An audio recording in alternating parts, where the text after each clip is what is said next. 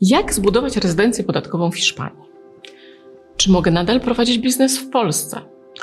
Czy wystarczy meldunek w Portugalii? Dostaję od Was setki takich pytań. Zebrałam je wszystkie razem i przygotowałam dla Was instrukcje, na co patrzeć, gdy chcesz zbudować rezydencję podatkową poza granicami Polski. Podam dziś Tobie inspirację, jak powinieneś poukładać Twoją przeprowadzkę. Może to drzwi do Twojego bezpieczeństwa.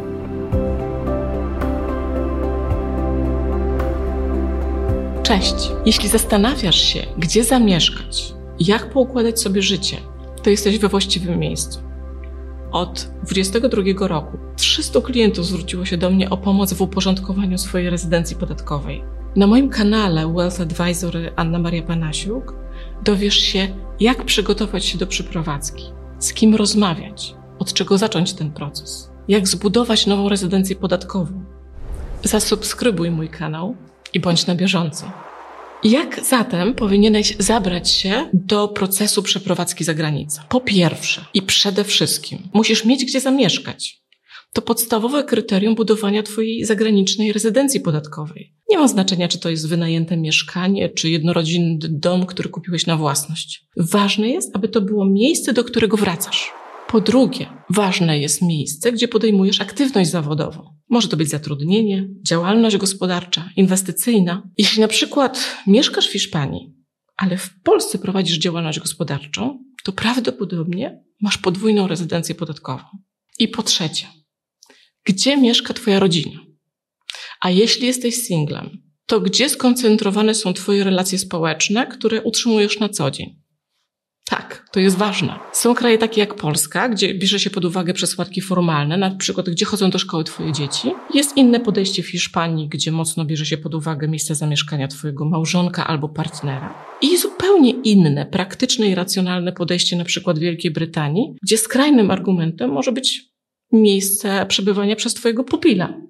Jeśli wyprowadziłeś się z Polski i masz wątpliwości, czy na pewno zrobiłeś to dobrze, przygotowałam dla Was bardzo szczegółowy plan działania.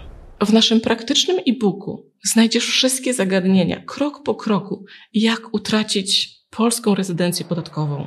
Link do e-booka znajdziesz poniżej. Jakie inne elementy są ważne, aby pokazać powiązania z krajem Twojej nowej rezydencji podatkowej? Uważaj na przyzwyczajenia. Bo na przykład przeprowadziłeś się za granicę, ale w Polsce nadal masz swojego ulubionego lekarza albo korzystasz z usług medykowych, lub Twoje dziecko kontynuuje leczenie ortodontyczne. Gdzie spędzasz święta? Czy nadal wracasz na każde święta do Polski? Jaki masz numer telefonu? Czy nadal jest to polski numer kierunkowy w T-Mobile? Albo na jakich numerach rejestracyjnych jest Twój samochód? Albo jeszcze dalej, gdzie masz trenera personalnego czy coacha? Chociaż w świecie online te kryteria nieco się zacierają, zawsze możesz ten argument wykorzystać na swoją korzyść. Gdzie posiadasz rachunki bankowe? Co sugerują wydatki na Twojej karcie kredytowej? Pamiętaj, to wszystko ma znaczenie. No i to, czego nie lubimy najbardziej.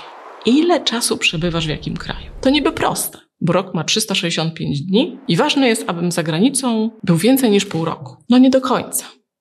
Gdy przychodzi życie, okazuje się, że nie jest to takie proste. Przychodzi na przykład choroba, już życie toczy się inaczej niż zaplanowałeś. A jeśli dodamy do tego, że do czasu spędzonego w danym kraju powinniśmy doliczyć dzień wjazdu i wyjazdu, to nagle wychodzi, że w roku jest więcej niż 365 dni, które trzeba zagospodarować i czasem dochodzi do absurdalnie trudnych sytuacji. Pozyskujesz rezydencję podatkową w kraju, z którym nie jesteś lub nie chcesz być związany. I na końcu nie zapomnij o zgłoszeniu wyjazdu za granicę. To dość istotna sprawa, która gwarantuje, że nie będziesz figurował w systemie jako rezydent, na przykład polski rezydent podatkowy. Dokładną listę czynności, jakie powinieneś wykonać przy przeprowadzce z Polski, zawarliśmy w naszym e-booku. Link do niego znajdziesz poniżej. A tymczasem do zobaczenia za tydzień.